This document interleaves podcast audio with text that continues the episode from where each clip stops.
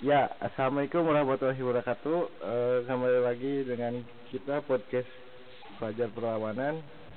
Uh, Alhamdulillah sekarang kita meninjak ke episode kedua yang akan membawakan tema liberalisasi di kalangan pelajar.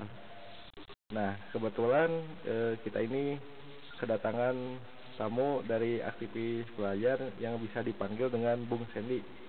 Nah, dengan membawakan narasumber tersebut dikarenakan ada DM yang masuk bahwasannya beliau pernah ditangkap oleh keadilan. Apakah benar itu bro? Dan bagaimana tanggapannya bro? Sangat menarik bro e, pertanyaannya.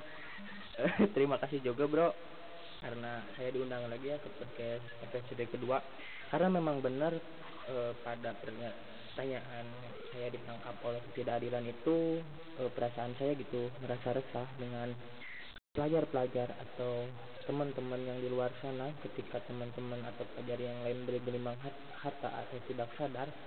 Bahkan pendidikan yang tinggi e, ketika saya beragumen atau berpendapat bahwa e, perkataan saya itu benar bahkan saya itu apa ya e, disingkirkan gitu bro terasingkan itu bro. Uh, terus lo uh, gitu-gituan teh ada manfaatnya nggak bagi diri lo sendiri bro? Asyik gitu-gituan teh apa bro? Oh ketangkap ya bro gitu bro. Ya bro. Jadi ya jadi ya uh, manfaat bagi diri saya uh, yaitu untuk mental saya lebih kuat gitu bro. Terus menjadi pelajar yang idealis terus memang eh, pada kenyataannya benar gitu bro. Banyak manfaat bagi diri saya ketika tapi di sisi negatif yang lain bahkan saya itu merasa terasingkan adanya eh, pola pikir yang eh, emang mutlak kebenaran itu ada. Itu bro. Nah, kalau direfleksikan ke dalam liberasi pelajar ini yang ada di tema ini, gimana bro? Uh, ya mungkin melihat pendidikan atau pelajar-pelajar di zaman sekarang uh, mungkin bro uh, terlebih dahulu saya akan menjelaskan itu liberalisasi itu apa sih? Jadi liberalisasi itu tidak terlepas dari perkembangan mutakhir barat bro. Sejak zaman apa itu? Renaissance Renaissance terus mendasari berbagai kultur dan peradaban barat itu bro jadi e, mengacu kepada pendidikan dan pelajar yang memiliki posisi strategis dan struktur kebudayaan dari setiap bangsa itu hancur gitu bro adanya liberal liberal liberal ini. E, terus e, pendidikan juga bukan untuk diarahkan kepada pengabdian kepada Tuhan bahkan hal-hal yang berdimensi ekstokologis juga moralitas moralitas pendidikan lebih mengacu kepada ditekankan kepada manusia sebagai individualistis. Terus bro, e, gimana tuh liberalisasi kan ada di instansi pendidikan, pasti ada saja bro. E, contohnya ketika seorang pelajar mengekspos e, kejelekannya kepada sebuah media sosial. Nah menurut bro ini apa sih jadi sumber utama masalahnya bro? Uh, ya menarik mungkin. Kenapa ya dari kita membahas masalah kenapa sih pelajar-pelajar atau manusia sekarang tidak malu ketika dirinya diekspos atau disebarkan di media sosial? Ya mungkin karena dirinya itu tidak ada aturan yang pas. Jadi uh, kita kembali lagi kepada didikan atau pendidikan kita yang sekarang ini. Jadi jadi ya melihat dari kacamata itu gue bahwa masalah itu terbawa arus. Terus emang pergaulan juga gitu bro. Perkembangan zaman. Jadi seakan-akan kita itu ditekankan harus mengikuti zaman sekarang modern gitu lah bro. Terus bro menurut bro apa masalah yang intinya gitu bro?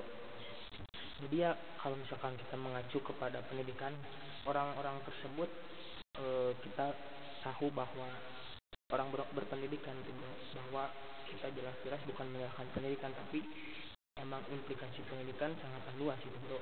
Mulai dari segi tujuan pendidikan itu sendiri bahkan e, materi yang harus diajarkan atau metode pendekatan pembelajaran setelah proses pendidikan harus dievaluasi gitu sebagai operasional kurikulum jadi memang eh, orang-orang e, yang tadi bro katakan itu bahwa pendidikan di kita itu e, lebih tepatnya belum dievaluasi masalah penanaman karakter gitu bro. Jadi ya tadi kembali lagi bahwa pendidikan adalah sebagai tekanan kepada manusia sebagai individualistis. Jadi masing-masing itu bro ya menurut lu kan kan gitu. Uh, emang ada gak sih uh, tujuannya dari itu sendiri itu bro ya mungkin menurut saya menurut uh, tujuan yang pas dalam pendidikan kita sebagai pelajar yaitu tujuan pendidikan tidak lagi dapat ditekankan kepada kepentingan e, penyelenggara dalam menebarkan misinya di masyarakat gitu ya. Bahkan sebaliknya pendidikan haruslah dituntut mempertimbangkan posisi dirinya sebagai fasilitator di masyarakat dan dituntut memenuhi logika pasar. Jadi maksud dari itu ya pelajar-pelajar yang bersekolah di pendidikan ditekankan untuk kepada kepentingan penyelenggaraan gitu bro dalam menebarkan misinya di masyarakat bukan lagi sebagai fasilitas fasilitator di masyarakat. Itu yang eh, bahkan pudar di pendidikan kita gitu bro. Nah eh, bisa juga sih bro? Disederhanain biar eh, jelas sama singkat gitu bro. Gimana bro? Jadi gini bung Haji. E, ketika siswa jadi siswa atau murid itu adalah subjek utama dalam belajar itu. Jadi guru sebagai fasilitator atau motivator saja gitu.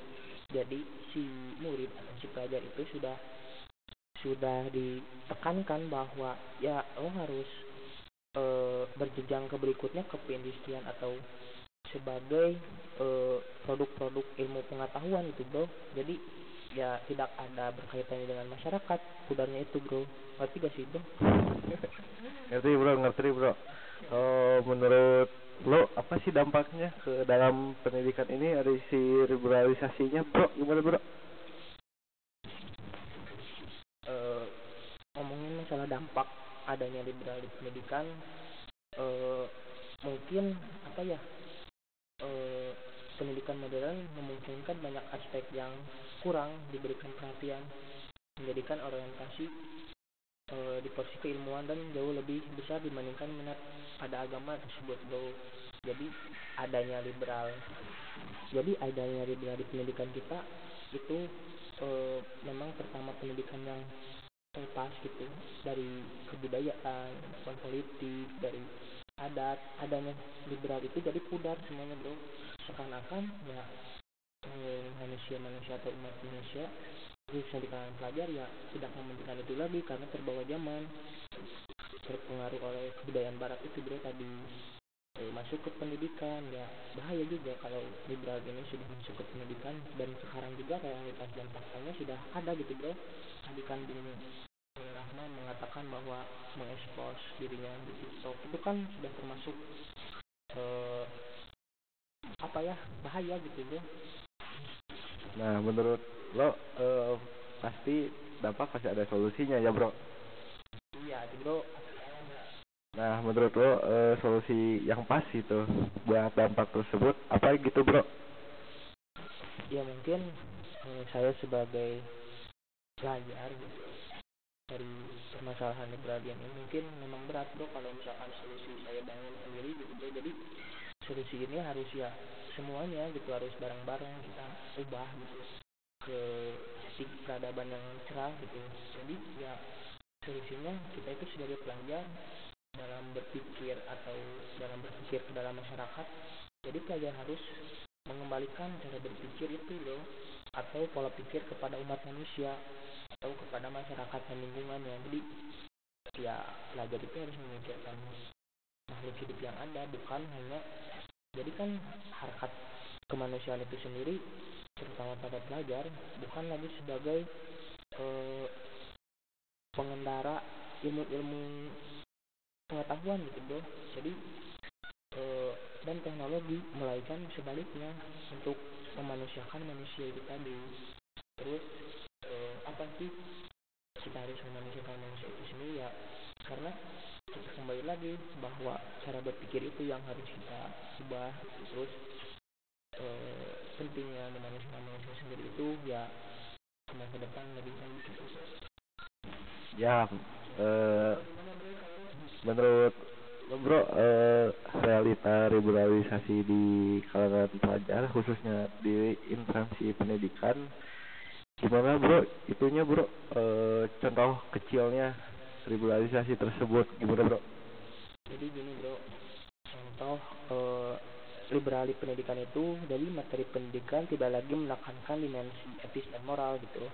Semata bahkan semakin menggusurnya digantikan dengan hal-hal yang terkait dengan kebutuhan masyarakat dan kepentingan pengembangan hidup. Jadi pendidikan modern telah memungkinkan banyak aspek yang sebelumnya kurang diberikan perhatian justru menjadikan orientasi dominan besarnya minat masyarakat pada sains teknologi gitu. Jadi menjadikan porsi keilmuan ini jauh lebih besar dibandingkan minat pada agama itu sendiri contoh kecilnya ya eh, pada kurikulum pada contoh ilmu-ilmu sekuler. Kan ilmu sekuler gitu bro. Tahu bro? Pengertian ilmu sekuler gimana Uh, menurut saya sih gak tahu apa itu ilmu sekuler. Gimana bro? Bisa dijelaskan ilmu sekuler itu gimana? Jadi gini bro. Membahas tentang ilmu sekuler. Kan kita teh belajar bro. Belajar di pendidikan kita ya di Indonesia khususnya di pendidikan umum. Jadi ilmu-ilmu yang kita pelajari di sekolah itu adalah ilmu sekuler bro. Jadi ilmu sekuler itu apa ya? Ilmu yang mempelajari uh, instansi atau keilmuan yang uh, dijauh bukan dijauhi apa ya di, tidak dilibatkan dengan moral dan agama gitu bro. Jadi ilmu sekuler ya tentang pengetahuan tentang teknologi gitu bro. Jadi uh, seakan-akan pendidikan itu mengiblat mengiblat pada pendidikan di barat gitu bro. Kan yang uh, di Amerika ya bro contohnya liberal itu menjadi salah satu ideologi mereka gitu bro.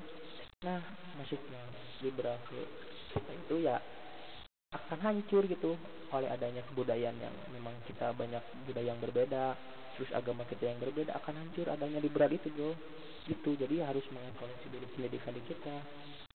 Gitu bro nah, nah kalau contoh ilmu pelajaran contohnya di instansi sekolah. Contoh ilmu pelajaran dari ilmu sekuler itu apa bro?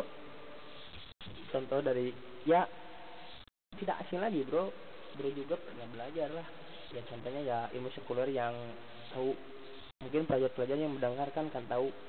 Musik keluar ya e, merupakan pelajaran-pelajaran yang kita ajari. Ya misalkan mangsa pelajaran ya tidak lain ya e, sosiologi PS terus e, non pokoknya ya non non agama matematika ya kayak gitulah. Pokoknya mah yang e, dijauhi atau bukan dijauhi yang tidak melibatkan tentang agama. Kan agama itu suatu kebenaran bro. Jadi ya tidak dimasukkan dalam itu.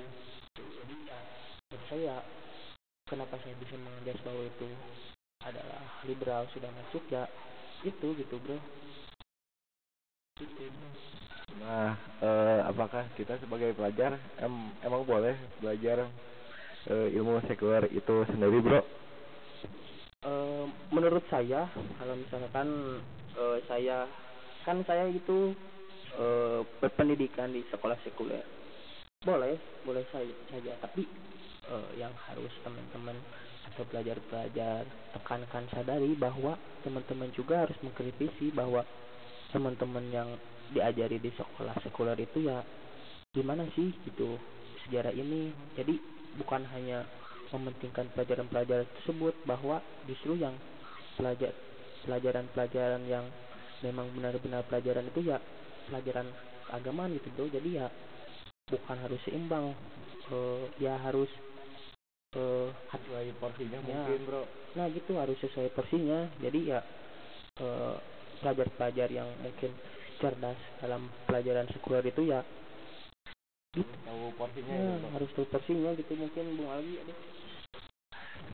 ya uh, cukup menarik ya, ya para pendengar uh, dari materi yang telah disampaikan oleh Bung Setia eh, sekarang eh, alhamdulillah sesi episode 2 telah selesai mari kita ucapkan alhamdulillah bersama-sama Alhamdulillah. Jadi gini untuk tambahannya eh, apa sih dampak liberalisasi sisi di pendidikan itu? Jadi sebagai sebuah sistem pendidikan liberal sudah barang tentu tidak lepas dari sisi positif yang negatif ya bro. Ini mah untuk tambahan yang berkesimpulan jadi terutama terkait dengan dimensi perkembangan manusia perkembangan ilmu pengetahuan dan teknologi yang sebagaimana bisa memberikan manfaat luas pada kalangan umat manusia tertulis kita sudah pelajari. Juga merupakan buah dari liberalisasi tersebut bro. Ya jadi pendidikan memiliki kesempatan mengembangkan berbagai cabang keilmuan dan teknologi secara independen tanpa khawatir terhadap bahwa tekanan sebagai e, tekanan yang berbahaya gitu. Jadi ya tadi solusi yang tadi ya pelajar atau yang dipelajari dalam sekolah sekuler ya harus mengembalikan cara berpikir atau pola berpikir kepada umat manusia gitu. Jadi kembalikan lagi kepada eh, di mana sih harta manusia itu sendiri? Sekian bu penutupan dari saya eh, ada pesan dan kesan buat para pendengar bro. Ya mungkin pesan dan pesan para pendengar eh, saya minta pelajar-pelajar pemuda teman-teman untuk mengkritisi yang saya obrolkan kali ini ya bro. Karena halnya eh, saya juga butuh gitu butuh kritikan di teman-teman saran terus masukan ada yang salah dalam pembahasan kita ya bro. Jadi ya eh, semoga bermanfaat bagi teman-teman yang mendengarkan bahwa solusinya kita itu hidup untuk memanusiakan manusia bukan hidup sebagai dehumanisasi. Nah, untuk saran dan kritikannya bisa melalui kontak yang tersedia di pamflet sama juga saluran eh, nama IG saya melalui @yurkulsweb. Nah, eh, sekarang ucapkan alhamdulillah sekali lagi. ya Alhamdulillah. Ya, eh, sesi episode 2 ini telah selesai. Wassalamualaikum warahmatullahi wabarakatuh.